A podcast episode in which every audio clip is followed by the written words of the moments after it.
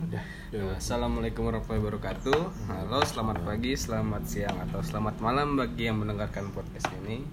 Kali ini kami akan ngobrol-ngobrol santai tentang ya kami akan membahas tentang kesehatan bareng dengan orang yang ada di depan kami yaitu Bang Balik Huta Suhu. Halo Bang, apa kabar Bang? Ya, assalamualaikum warahmatullahi wabarakatuh. Alhamdulillah baik. Gimana bro kabarnya? Alhamdulillah baik. Dan di sini kita juga bareng dengan Bro Akbar. Nah, Iya. Bro Akbar. Siapa Anda ini, Bar? Saya ini sama Bang Balik apa tuh? Boleh dibilang ikut program Petrolesnya ya? Iya, dulu sempat sempat sempat nge-gym bareng ya. Iya.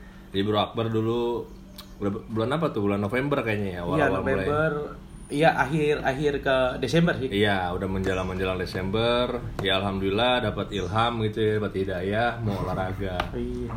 Heeh. Terus gimana nih?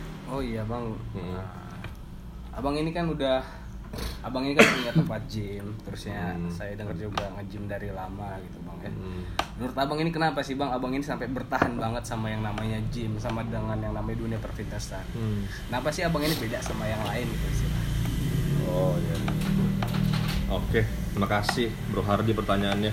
Sebenarnya sih eh, beda sama yang lain tuh sebenarnya ya nggak beda-beda banget juga ya. Cuma maksudnya kita ngomongin beda sama orang apa ya orang pada umumnya atau enggak dalam hal ini kayak yang sepantaran sama saya lah gitu Oke, ya. ya, milenial gitu. gitu lah milenial. Kenapa sih eh, tadi pertanyaannya kenapa sih konsisten gitu loh? Kenapa sih nge-gym? Kenapa sih sampai bikin usaha gitu kan? Oke deh saya sih langsung aja kayak cerita aja ya awal-awal tuh saya juga dulu awalnya memang basicnya seneng olahraga Dari dua tuh waktu masih dari bocah gitu ya dari dari dari SD sampai terus sampai SMA emang alhamdulillah seneng olahraga Hmm. senang olahraga dan itu memang dari orang tua sendiri juga memang eh, support banget masalah olahraga Orang tua berarti suka juga olahraga nih berarti? suka alhamdulillah Dua-duanya, ibu, alhamdulillah juga. ya iya paling nggak jo apa jalan pagi Oh gitu. nah cuman dulu dari kecil tuh emang udah Basicnya dulu ada. Heeh, basicnya ada dan emang diarahkan gitu loh. Diarahkan diarahkan apa supaya olahraga. Makanya menurut saya tuh itu hal yang patut disyukuri ya dan dan jadi dan jadi apa ya jadi eh, motivasi saya juga untuk jadi olahraga eh jadi olahraga jadi orang tua yang mensupport anaknya untuk olahraga. Karena masa kecil tuh penting banget sih. Jadi udah udah terbiasa tuh. Hmm. pola hidup kan. Pola hidup itu kan bukan seminggu dua minggu atau sebulan dua bulan kan. Iya. pola itu berarti uh, Berkesinambungan, proses. iya. yes berkesinambungan proses kan. Tahunan.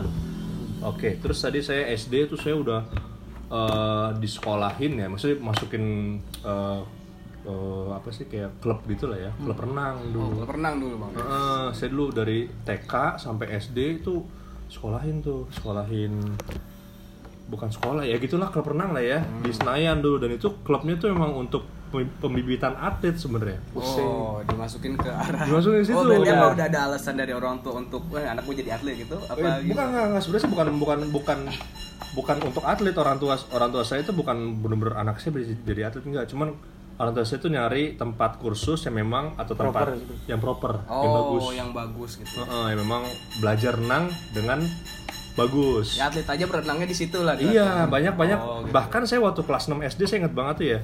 Karena situ kan suka ada pertandingan ya. Saya waktu Iya. ikut ikut pertandingan itu nama nama klubnya Pare Sakti ya. Sampai sekarang masih ada tuh Pare Sakti. Hmm. Coba di googling aja Mbak Google ada.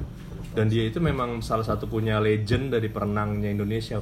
Namanya tuh almarhum yang sudah meninggal ya. Hmm. Itu eh, Raja Nasution. Anaknya itu Elvira Nasution sama Akbar Nasution tuh perenang semua atlet. Hmm. Nah, udah saya kelas 6 SD, saya ikut kejuaraan tuh se-Jakarta Oh, lah. sempat ikut nih berarti. Ya, sempat beberapa kali bahkan. Mantap, mantap. Nah, kejuaraan, juara satu. Kodoro lo juara satu sih gaya dada. Saya emang si grup saya apa sih? Bu, eh, gaya dada nih bang ya? gaya dada, gaya dada tuh kalau orang biasanya ngomongnya gaya katak ya. Oh, gaya kata Ya kan? gaya dada. Iya, Eh, katak. sama, Bro. Oh, sama ya? Sebenarnya tuh gaya dada ngomongnya breaststroke lah bahasa Jawanya gitu ya. Oh, gitu ya. Bahasa Jawa lagi. Bahasa Jawanya breaststroke ya. itu gaya dada kan sebenarnya kan. Ya. Nah, terus saya juara, juara satu, terus saya di, a- diarahkan untuk masuk platda, platnas saat itu. Saya mau di, saya mau di karantina di Solo. Hmm. Itu beneran ada, sampai sekarang masih ada pel- karantina em, atlet renang itu. Atlet renang. Dulu di situ cuma orang tua saya karena dari awal emang bukan pengen anaknya jadi atlet orang tua saya emang nggak ada kepengen anak saya anaknya jadi atlet enggak Dan dari abang sendiri tuh abang pengen apa? ya kalau bocah ya bro ya namanya anak kecil sebenarnya sih dibentuk ya Iya dibentuk. bentuk emang. Iya kan, walaupun walaupun memang pasti ada apa ya, ada kayak kecenderungan ya. Dalam hal ini maksud saya gini, misalnya orang tuanya mengarahkan, cuma tahu-tahu anaknya kecenderungannya emang senangnya sesuatu apa gitu, Ah, paham maksudnya. Jadi ya, contoh paham. misalkan dia, eh, oh di berenang dia ternyata bagus atau dia bulu tangkis atau bagus, cuma itu balik lagi ya, orang tua tuh sangat sangat besar banget faktornya, Perannya. peran itu besar banget. Ya alhamdulillah makanya bersyukur saya.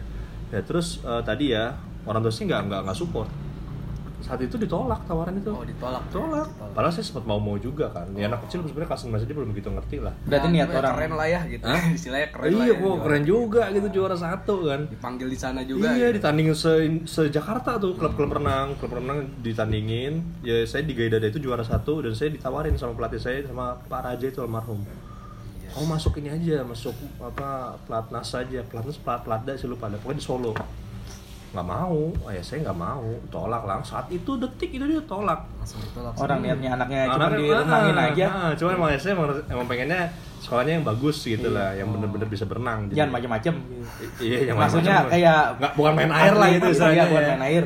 Ya, kalau main air lah nggak usah nggak usah sekolahin dah, Iya. cemplungin aja gitu kan. Oke Langsung dah. ditolak itu Bang berarti. Tolak. Cuman dari situ, alhamdulillah saya kebentuk, maksudnya kebentuk untuk olahraga dari kecil. Oh, iya. Dan itu nggak saya doang. Abang saya, saya ber- bertiga bersaudara ya. Ya, abang. saya laki-laki, adik saya juga perempuan. Situ juga sekolahnya. Masa klub renang itu juga. Hmm, Walaupun yang benar-benar bisa dibilang saat itu talk chair gitu ya. latihannya Latihannya lah bagus, gitu. saya sama abang saya juga lumayan bagus, cuman dia gak bebas. Oh, gak bebas. Gak bebas tuh, ya gitu lah pokoknya. Ah, iya. Ya pernah lah, tau lah, ngerti lah kayak. iya, gue pernah tahu lah pokoknya. Terus udah singkat cerita eh, tadi ya saya dapat saya dapat fondasi atau dapat arahan gitu ya, didukung dengan apa eh, keluarga yang support untuk olahraga. Terus udah singkat cerita aja ya, langsung SMA gitu. Cuman saya sampai SMA tuh masuk olahraga ya. Enggak berarti ini posisinya dari SD nih, dari TK, Oh. SD. Nah, SMP ini Abang nerusin renang apa berubah? Oh ini perlu detail nih berarti ya? Iya dong. Detailin aja ya. Iya, Oke iya. SMP saya. Oke tadi balik lagi ya. Pas SD ditolak masih tetap renang nih. masih Oh, masih masih, renang dan saya dulu kelas 6 SD atau kelas 5 saya lupa persisnya. Saya dimasukin pencak silat. Oh, sempat ikut pencak silat. Pencak silat betul. juga. itu dan itu pun orang tua saya ya, ayah saya ya, Ah. ayah saya. Itu bener-bener kayak bener-bener apa ya mengarahkannya supaya kamu tuh bisa dan nggak hanya sekedar bisa, Oh. bagus lah gitu Iya, iya, iya. support makanya saya alhamdulillah bersyukur banget sih saya macam-macam olahraga. Saya saya orang ayah saya tuh senangnya main tenis. Nice. saya dulu SD juga su- di sekolah main tenis juga. Oh. nah tadi baliknya ke tadi ya ke anaknya itu beda-beda kan. Ternyata saya yang yang bener-bener oke itu berenangnya. Hmm. pencak silat juga lumayan lah. Cuma saya baru ikut-ikut pertandingan tuh pencak silat di SMP Nah, ikut silat ini ah pertandingan juga ikut Bang? Iya. Nah silat ini Ah. silat apa bang yang diikutin bang? silat si- saya tuh dulu ikut perisai putih Perisai perisai putih. putih di Al Azhar karena Saya saya putih saya baru dengar perisai diri saya tahu bang. saya perisai putih kalau nggak salah namanya cuman cuman dulu waktu waktu SD itu oh yang merah bajunya apa ya tapak suci Tapak ini. suci bang, kalau tapak suci ya Sudah merah. malu. tapak suci Tapak suci. tapak suci SD nih Ta- Oh, tapi pas pas SMP itu bajunya hitam sih gitu dah pokoknya lupa saya Hmm. tapi perisai putih sih sempet inget deh perisai apa SMA gitu pokoknya saya yang yang saya ingat betul itu SD saya mulai pencak silat saya lupa lah apa perguruannya lah pokoknya antara itu deh yang baju merah pas saya SD Hmm. baju hitam SMP SMA Oke. Nah, saya pencak silat juga ya ma- lumayan gitu, ajib juga, Eh, lumayan. Gue juga pertandingan berapa kali dan saya cukup diandalkan di sekolah. Waktu SMP saya Al Azhar, SD juga saya Al Azhar tadi ya. Pas SMP saya Al Azhar, saya masih punya tuh medalinya ya bro ya. Masih punya kalau mau bukti biar saya tuh nggak nggak omong doang. Itu medali masih ada di rumah orang tua saya. Itu medali saya juara satu. Pencak silat nih ya. Pencak silat. Oke. Dan itu saya tanding di Padepokan Pencak Silat di apa, tahun ini ya. Di taman mini. Nah, tahun ini dulu ada, ada Pak Fauzi Bowo tuh. Oh. Masih gubernur. Itu- ya? Gubernur Jakarta dulu ya? Iya. Ada dia ikut itu event event paling besar lah se Jakarta tuh. Makanya ajib juga tuh saya wah keren juga ya. Nah, gitu lah ya. Jadi saya pencak silat terus sampai SMA. SMA juga saya suka ikut pertandingan walaupun pernah saya nggak juara, saya cuman apa ya juara tiga lah gitu ya. mesti masih masih dapat nomor lah cuman saya nggak juara satu ya juara satu tuh saya cuman di SMP sama di SMA SMA akhir lah udah Iya. terus. Jadi sih udah tadi balik lagi ya olahraga. Jadi itu kan sebenarnya bagian dari olahraga kan? Berenang pencak silat. Sama kan sebenarnya? Itu fondasi namanya. Fondasi jadi awal. kebentuk kebentuk supaya aktif. Gitu Iya. aja sih. Ya kan karena kan olahraga itu kan raga raga itu kan badan kita ya Hmm. diolah kan. Iya. diolah itu artinya apa? Itu metabolismenya naik. Jadi aktif lah singkatnya gampangnya gitu deh. Nah terus hmm, ke mana tadi SMA udah SMA nih, karena SMA udah silat. udah silat SMA terus saya oh saya pas SMA Oh iya nih bang, posisinya abang nih SMA di daerah mana bang dulu bang? saya di Jakarta di Jakarta. di SMA 14 Dari TK sampai SD sampai SMA di Jakarta. nih? Iya, Iya, saya, full. saya, oh, saya, saya sebenarnya besar di besar di Jakarta sih, Tebet lebih tepatnya. Saya besar di situ. Terus saya baru mulai jadi Depokers gitu ya. Depokers. Iya. Dua tahun belakangan lah, ini tahun ketiga di 2020 ya. Iya. Tahun ketiga. Nah, ya, saya juga buka usaha. Itu tar ceritanya belakangan kali ya. Iya itu. Ya, itu belakangan ya. Ini Ya, kan dari SMA nih. Ah, Kan ah. abang Jadi biar, saya biar, dengar- biar runut nih ya, Biar biar runut ya. Ba- Banyak banget sebenarnya cuma apa lah ya. Kan abang dari SMA nih bang dari Hmm. SMA kan abang nih kuliah. Iya. Kuliah saya dengar-dengar abang itu di Undip bang. Iya betul di Semarang. Nah, di Semarang tuh dari Iya. Jakarta ke Semarang. Iya benar. Nah kayak gitu di Semarang tuh abang tetap olahraga juga. Apa gimana bang? Alhamdulillah tetap. Nah itu dia tadi. Tadi sebelum mulai ini ini saya cerita eh, awal mula saya jatuh cinta pada pandangan pertama lah ya sama gym. Makasih ya. Ah, itu saya mulai per- pertama kali tuh falling in love sama besi-besi itu. Itu saya SMA kelas 3. Oh kelas 3 SMA. SMA ya? kelas 3. Jadi habis saya udah dapat pengumuman, alhamdulillah saya dapat eh, masuk ke di Undip ya, di Diponegoro di Semarang. Gabut kan? Iya gabut bener. Pak, ya, ingatlah dulu. Itu SMA undangan tuh tiga. bang ya? Iya. Oh gabut wajar lah orang-orang Iya, ngerti lah. ah, gabut. Gabut saya, ya saya ngisi waktunya ya terlepas lah. Saya juga bukan anak-anak yang lurus-lurus banget ya. Maksudnya masih suka nongkrong begajulan gitu. Iya. Oh, gitu. Cuma saya emang senang olahraga gitu aja. Jadi saya pada saat itu di tongkrongan gitu ya SMA, saya pengen nge-gym. Pengen nge-gym. Pengen nge-gym karena deket tongkrongan saya ada gym. Hmm, Gym pengen gym nyoba. rumahan gitu biasa. Pengen nge-gym, pengen nyoba dulu. Pengen nyoba, pengen nyoba. Maksudnya pengen ah kayaknya ada gym nih dekat. Soalnya dekat, Bro. Iya. Kayak kayak kayak, kalian lah, Iya. tongkrongan kayak dekat Nevaquit misalnya. Iya. Hmm, ya deket. Wah, kayaknya boleh juga nih. Coba gitu kan. lah gitu ya. Iya, sama teman-teman biasa iseng aja. Iya kan umum itu hal yang umum kan terjadi kan. Umum bayar banget. tiga puluh ribu. Iya, sekali datang kalau dulu saya nggak tiga puluh ribu di berapa tuh ya dia tuh 15 ribu atau 20 ribu gitu di Dia situ. ngapain alat, nontonin. Iya ngerokok gitu ya. Nah itu itu itu bahasannya juga panjang tuh ngerokok tuh. Jangan tuh ya. Karena saya juga dulu sempat sempat ngerokok lah. Cuma Rokok berat gitu. Ya aktif lah nggak berat berat banget. Soalnya saya nggak nggak sempat berat badan sih maksudnya. iya, iya, iya. berat saya. Oke terus tadi. Dah saya kuliah Semarang. Ya. Awal-awal penyesuaian lah bro. Biasanya diurusin orang tua gitu kan. Ya. Ya bisa ada sarapan segala macam. Ada makan. Ada masa transisi lah ya. transisi nah transisi itu saya agak sulit tuh buat nge-gym dan pada saat itu ya bro ya saya mulai kuliah 2009 itu informasi mengenai fitness tuh masih terbatas bro Hmm. dan tempat fitness pun masih terbatas 2009 saya inget banget tuh nggak sebanyak sekarang bro karena industri fitness berkembangnya masya allah begitu cepat gitu loh. Cepat. dan itu hal yang positif ya hal yang sangat sangat positif. itu. Karena saya mengutip uh, perkataan dari Mas Ade Ade Rai bahwasanya fitness center atau gym-gym rumahan itu sebenarnya jadi apa? Eh, kalian inget nggak? Puskesmas. yes. Puskesmas. itu pusat kesehatan masyarakat Jadi kalau yang rumah sakit itu namanya apa bang kok gitu? ya itu justru Pusat kesakitan. pusat kesakitan. Iya ini udah dengerin berarti Mas Ade nih iya benar itu dan itu menurut saya bener banget. Makanya itu hal yang patut disyukurin dan jangan cuma bersyukur. Harus ada tindakan. Jadi udah ada gym ya datang olahraga gitu loh. Dah balik lagi tadi ya. Nah terus tadi dulu saya belum belum begitu banyak tuh bro. Dikit banget tuh di, di Semarang tuh dikit. Jadi saya sempat hiatus lah sempat sempat vakum nggak nge-gym itu sekitar berapa ya? Sebulan dua bulan. Saya lupa persisnya lah ya. Cuman ya sekitar segitulah. Sebulan dua bulan. ya. sebulan dua bulan lah. Terus habis gym lagi. Sign up lagi. Saya member lagi di suatu tempat gym di Semarang. Itu daerah Tembalang namanya. Semarang atas. Di Semarang tuh kayak di Semarang Semarang bawah. Saya dulu kuliah di Semarang bawah. Karena saya ngon saya dulu punya kosan. Kosan. cuman kosan saya saya jarang saya, saya tinggalin saya bareng sama teman saya yang ngontrak. Ya anak muda bro. Iya, iya. sendiri malah mau enak kan rame-rame Iya, ngepul. Iya kan?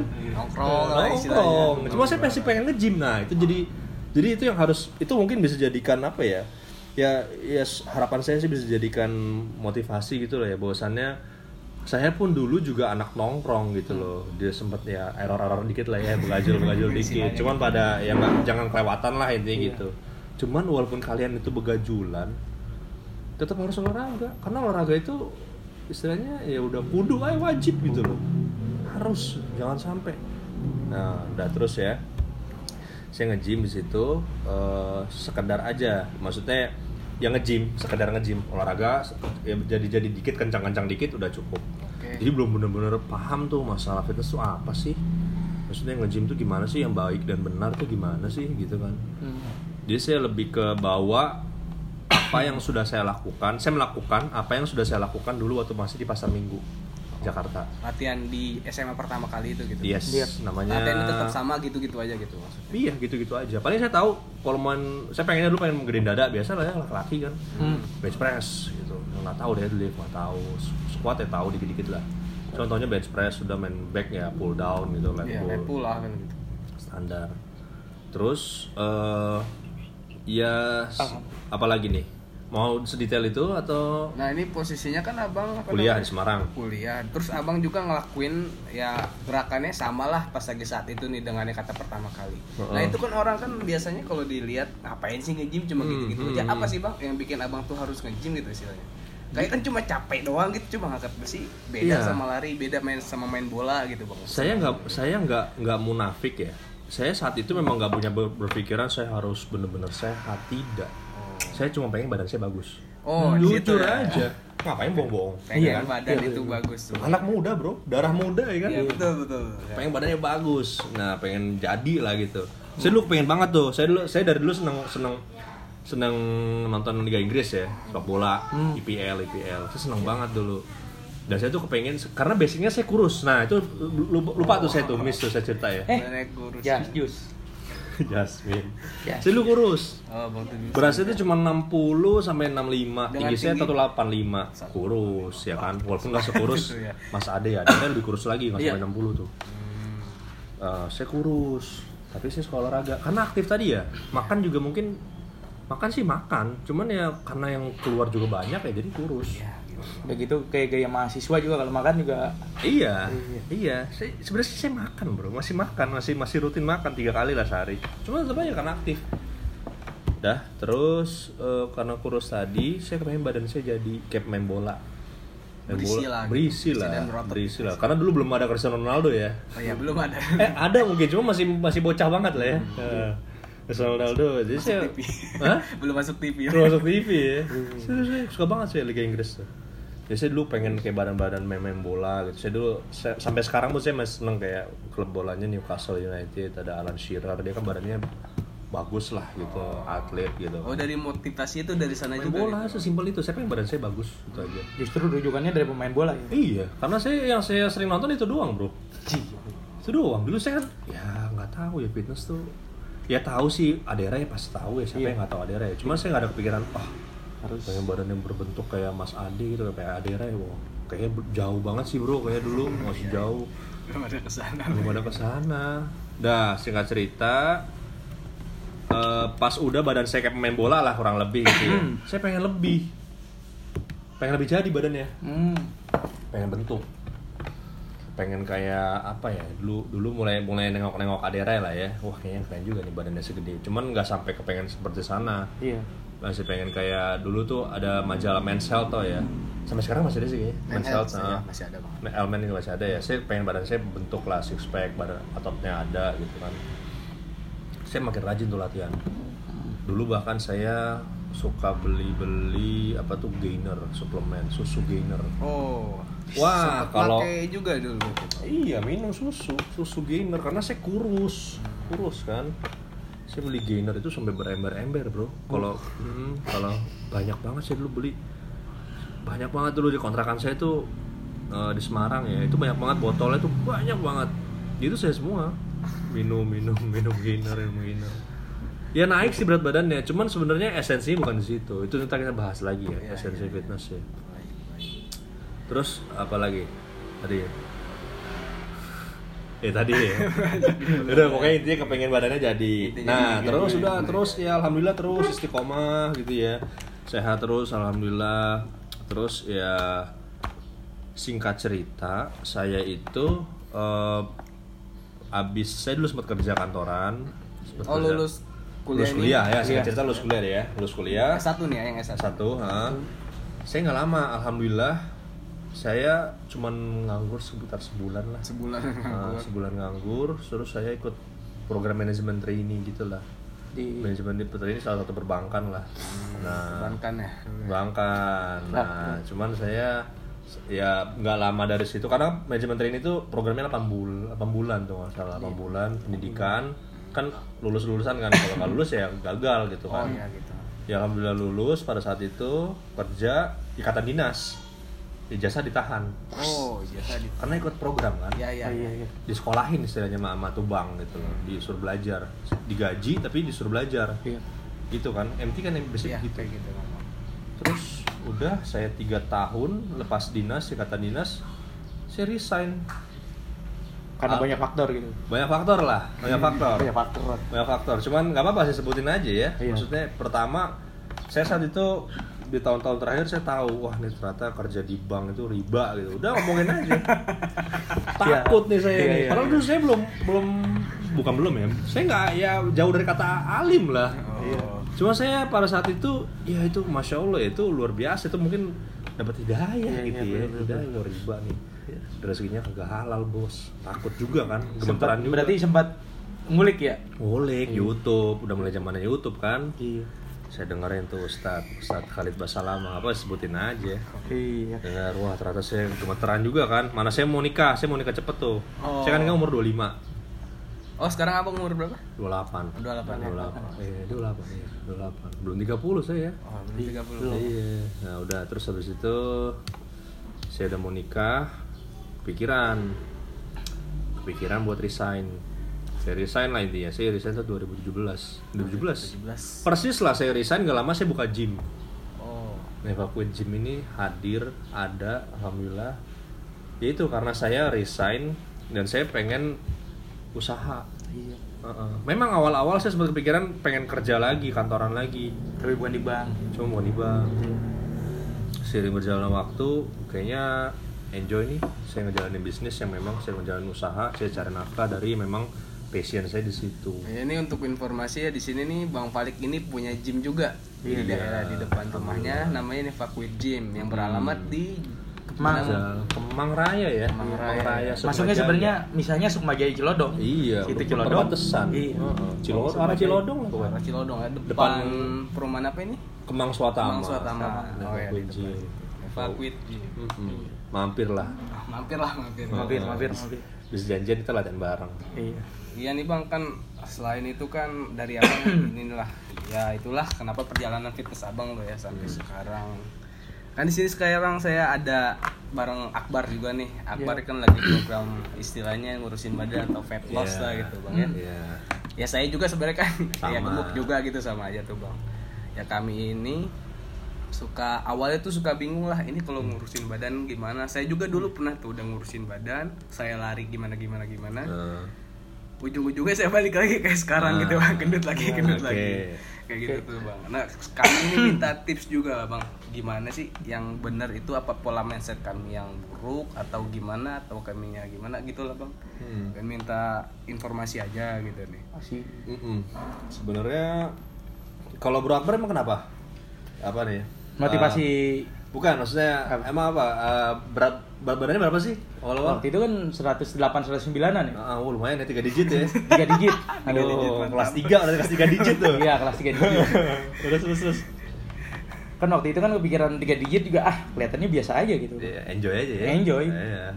Boleh dibilang tekanan dari luar misalnya ah, badan lu gemuk, gendut itu bukan jadi masalah. oh, lu nggak peduli lah ya dengan Nggak hal peduli itu lah. ya. Oh, iya. happy ya. Ya, yang penting happy. yang penting happy, udah gitu juga dipikirin juga kayak teman-teman dekat juga udah nggak terlalu mau par permasalahin masalah Iya. berat badan. Oh berarti lu nggak masalah tuh kak, weh gendut, weh gendut lu nggak Iya. masalah itu dengan ada. Soalnya gue bisa cengin balik ke mereka juga. Oh, Iya. gitu, ya. bisa bales lah. Iya. Balas, iya. Jadi balasnya kan enak. Oh, Iya. oh nggak ada masalah berarti Nggak ada masalah. dari pandangan orang lain lu nggak peduli lah. Nggak peduli sama sekali. Nah terus apa yang nyebabin lu ini pengen nurunin berat badan? Justru karena sakit. Mungkin alasannya klise. Iya. Kok bisa pengen nge-gym karena sakit? Hmm. Mungkin kan sebagian orang nggak bisa terima juga. Kok konyol banget alasan karena sakit doang. Hmm. Pengennya nge-gym.